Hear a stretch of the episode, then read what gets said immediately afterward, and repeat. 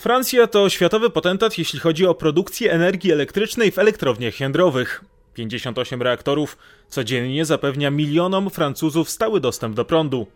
75% zapotrzebowania na energię zaspokajane jest we Francji właśnie w ten sposób. Francuskie państwo jest też największym eksporterem elektryczności, dzięki czemu zarabia ponad 3 miliardy euro rocznie. To wszystko nie byłoby możliwe, gdyby nie francuska rewolucja energetyczna w latach 70. Za chwilę dowiecie się, jak do niej doszło. Zapraszam na najnowszy odcinek serii Po wojnie.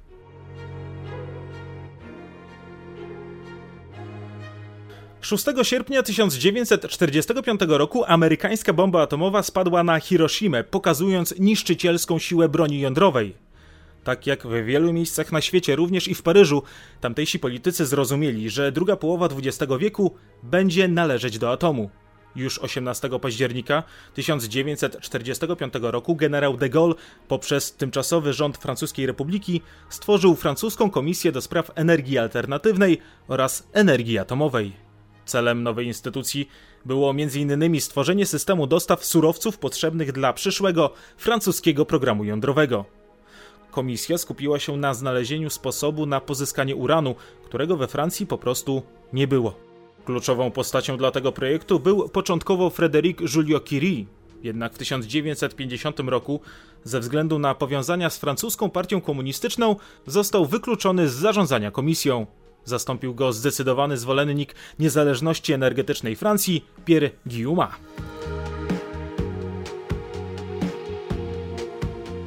Tymczasem w 1955 roku podczas konferencji we włoskiej Messynie przedstawiciele Włoch, Belgii, Holandii, Francji, Luksemburga oraz zachodnich Niemiec podjęli decyzję o utworzeniu wspólnoty zajmującej się pokojowym wykorzystaniem energii atomowej. Liderem projektu zdecydowanie była Francja, która na badania i rozwój programu jądrowego wydawała w tym czasie cztery razy więcej funduszy niż jej pięciu partnerów łącznie. Pod koniec lat 50., gdy ponownie do władzy doszedł generał de Gaulle, we Francji wzrosło zainteresowanie wojskowym wykorzystaniem atomu. Równocześnie trwały prace nad cywilnym wykorzystywaniem energii jądrowej, czego efektem było powstanie w 1962 roku pierwszej francuskiej elektrowni atomowej. Jednak spadek cen ropy w drugiej połowie lat 60. zmniejszył zainteresowanie Paryża takim sposobem pozyskiwania energii elektrycznej. Nie oznacza to jednak, że nie było żadnych planów w tej kwestii. Francuski rząd nadal chciał uruchamiać co najmniej jeden reaktor jądrowy rocznie. Rewolucja energetyczna do końca rządów generała de Gaulle'a postępowała powoli. Do przełomu doszło dopiero, gdy w Pałacu Elizejskim pojawił się prezydent Pompidou. Od 1971 roku wzrosło dofinansowanie programów atomowych. Po kryzysie w 1973 roku, kiedy to okazało się, że decyzje polityczne na Bliskim Wschodzie mogą doprowadzić do zapaści gospodarczej w Europie Zachodniej oraz Stanach Zjednoczonych, ilość środków na rozwój programu atomowego we Francji zwiększyła się w sposób jeszcze bardziej znaczący. W tym czasie większość energii elektrycznej wykorzystywanej we Francji pochodziło z zagranicznej ropy, którą dostarczały kraje arabskie podczas gdy w Stanach Zjednoczonych coraz częściej mówiło się o. Tak zielonej energii, we Francji zdecydowano się postawić na atom. Już w listopadzie 1973 roku premier Pierre Mesmer ogłosił budowę zakładu wzbogacania uranu w południowo-wschodniej Francji. 6 marca 1974 roku w wywiadzie telewizyjnym ten sam polityk zapowiedział realizację wielkiego programu rozbudowy infrastruktury atomowej. W przestrzeni publicznej zaczęło być promowane hasło: We Francji co prawda nie mamy ropy, ale mamy pomysły. Jednocześnie nie tylko kryzys na Bliskim Wschodzie zmusił Pałac Elizejski do bardziej zdecydowanych działań w kwestii energetyki jądrowej. Na początku lat 70. we Francji spadła krajowa produkcja węgla.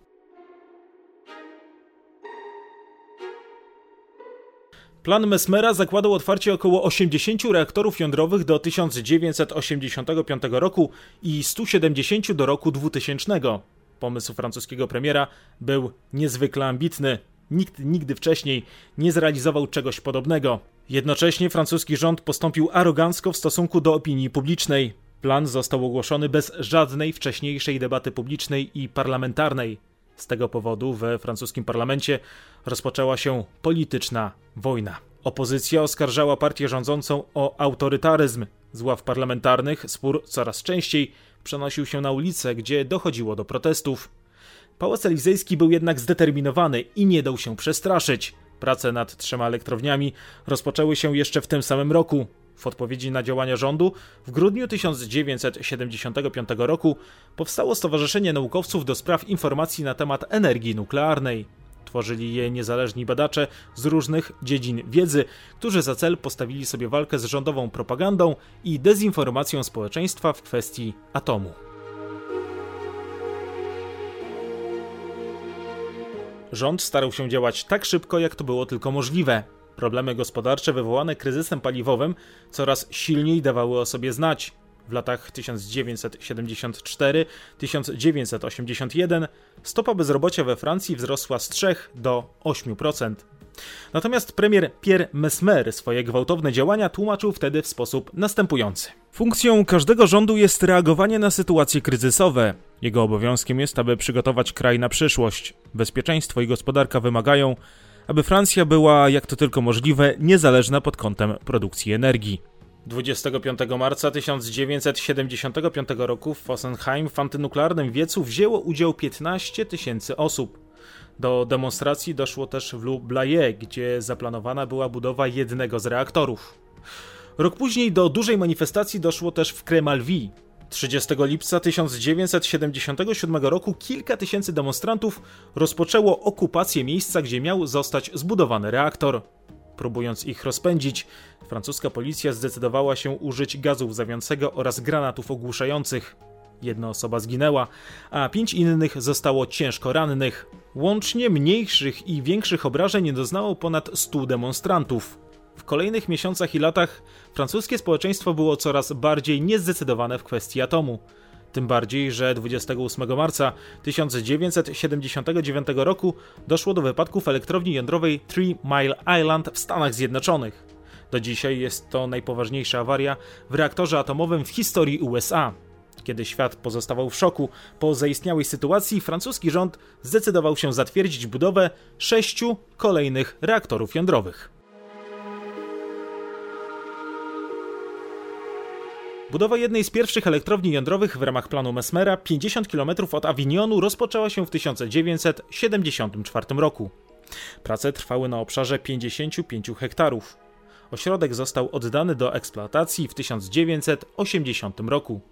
Elektrownia działa do dzisiaj i składa się z czterech reaktorów. Znajduje się niedaleko Rodanu, przez co narażona jest na powódź. Obecnie produkuje 6% francuskiej energii elektrycznej. Równorzędnie powstała elektrownia w gminie Gravelin na północy kraju. Rozmach tego przedsięwzięcia był ogromny. Obecnie jest to siódma co do wielkości elektrownia jądrowa na świecie i największa w Europie Zachodniej. W pierwszych dwóch latach jej funkcjonowania posiadała cztery reaktory. W 1985 roku uruchomione zostały dwa kolejne. Ośrodek, podobnie jak ten, o którym wspominałem wcześniej, znajduje się na terenie zalewowym. Położony jest na wysokości 6 metrów nad poziomem morza, ponieważ projektanci uznali, że strefa powodziowa znajduje się metr niżej. Ich szacunki nie uwzględniły globalnego ocieplenia. Mieszkańców miejscowości, obok których miały powstać elektrownie, przekonywano do inwestycji w różny sposób. W Dampier, gdzie prace nad inwestycją rozpoczęły się w 1974 roku, lokalna prasa informowała, że zakład może się stać w przyszłości nawet atrakcją turystyczną. Jego wieże będą bowiem wyższe niż Wielka Piramida w Egipcie.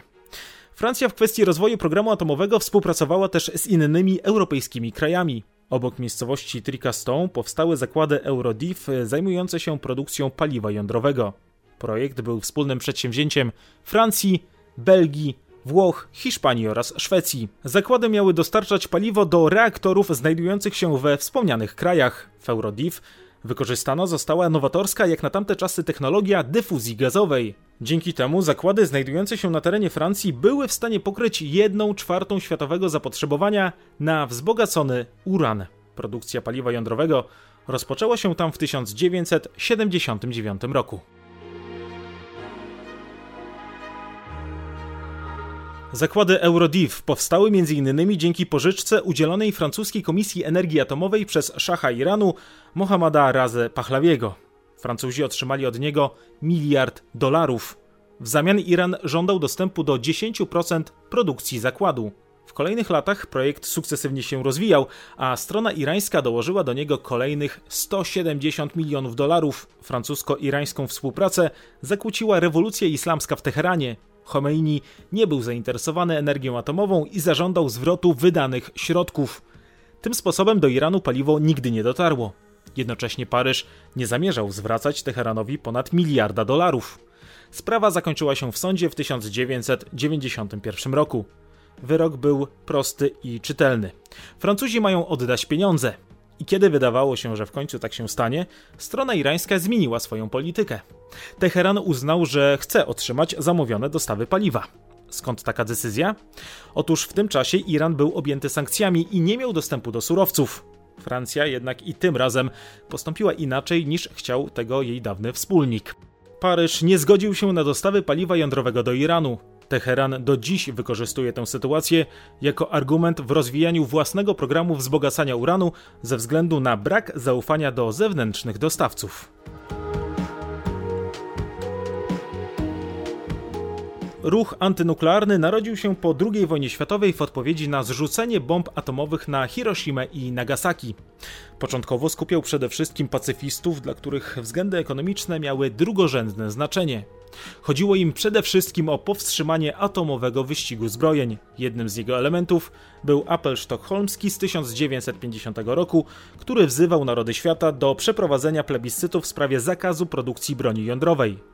Podpisał go m.in. Frédéric Joliot-Curie, za co potem został zwolniony ze stanowiska szefa komisji zajmującej się francuskim programem atomowym.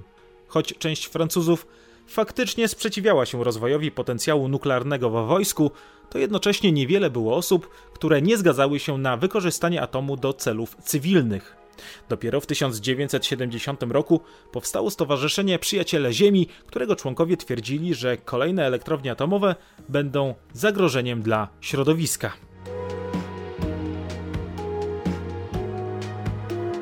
Najbardziej znaczącą formą protestu wobec planu Mesmera był opublikowany 11 lutego 1975 roku w piśmie Wyzwolenie list, w którym 400 naukowców wyraziło swój sprzeciw wobec atomowej polityki rządu. Podpisali go m.in. fizycy, inżynierowie, a także technicy jądrowi pracujący dla Narodowego Instytutu Badań Naukowych. Jego sygnatariusze twierdzili, że rządowy program został zainicjowany pochopnie i jego realizacja może mieć poważne konsekwencje, m.in. dla środowiska. Jednocześnie wraz z kolejnymi inwestycjami związanymi z infrastrukturą atomową we Francji coraz częściej dochodziło do demonstracji. W 1977 roku przeciwko budowie elektrowni w Kremalwi protestowało prawie 60 tysięcy osób. Nie zmieniło to jednak tempa i przebiegu francuskiej rewolucji energetycznej nastawionej na atom.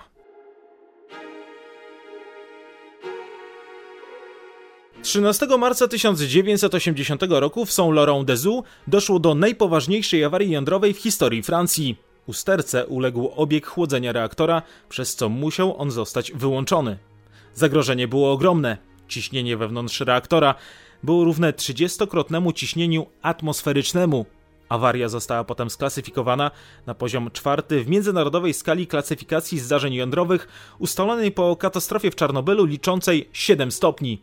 Podczas sprzątania po wypadku plutonem została zanieczyszczona Loara. Społeczeństwo nie było jednak szerzej informowane o tej sytuacji. Tymczasem w 1981 roku miało miejsce kolejne groźne zdarzenie. W zakładzie przetwarzania odpadów radioaktywnych w La Hague doszło do dużego pożaru. Do placówki trafiało paliwo jądrowe pochodzące nie tylko z reaktorów jądrowych z Francji, ale też z Niemiec, Belgii, Szwajcarii, Japonii oraz Holandii. Dyrekcja zakładu zapewniała, że ze względu na niewielki wiatr radioaktywne zanieczyszczenia na pewno się nie rozprzestrzeniają. Jednak zapewnienia władz o opanowaniu sytuacji bynajmniej nie uspokoiły przeciwników energii atomowej. 13 sierpnia w 1981 roku w Cherbourg, czyli w miejscowości znajdującej się tuż obok zakładu przetwarzania odpadów, na ulicę wyszło 1500 osób wzywających do ograniczenia funkcjonowania La Hague. Tydzień później doszło do kolejnej manifestacji. Protesty na niewiele się jednak zdały. Zakład działał dalej i działa do dzisiaj. W 1981 roku nowym prezydentem Francji został François Mitterrand. Nowy przywódca Francuzów zapowiedział referendum w sprawie programu nuklearnego. Jak się później okazało, był to jedynie element politycznej gry na zdobycie społecznego poparcia. Po katastrofie w Czarnobylu we Francji ponownie pojawiły się pytania o zasadność budowania kolejnych elektrowni atomowych. Tragedia w ZSRR przestraszyła francuskich obywateli, choć francuskie media tonowały nerwowe nastroje. Podczas gdy inne kraje szybko podjęły środki zapobiegawcze, we Francji władze działały bardzo zachowawczo, a niektóre gazety informowały nawet, że radioaktywna chmura uwolniona przez eksplozję zatrzymała się na granicy francusko-niemieckiej. Do przestrzeni publicznej docierały też nieprawdziwe informacje na temat skażenia gleby.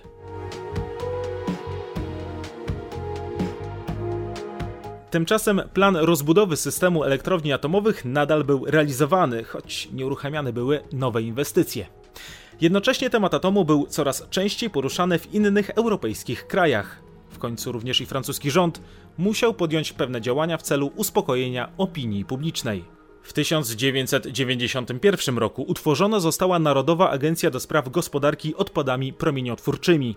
Choć tempo prac związanych z budową kolejnych elektrowni atomowych było we Francji szybkie, to planu Mesmera nie udało się zrealizować. Do 1989 roku z zakładanych 80 ostatecznie powstało 56 nowych reaktorów jądrowych.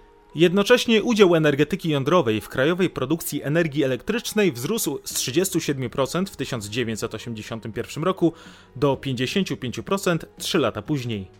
Obecnie we Francji funkcjonuje 58 reaktorów jądrowych. Zarządza nimi państwowe konsorcjum Electricité de France, czyli największy na świecie producent energii elektrycznej. I to tyle na dziś. Dziękuję za uwagę. Zachęcam do subskrybowania kanału i do usłyszenia.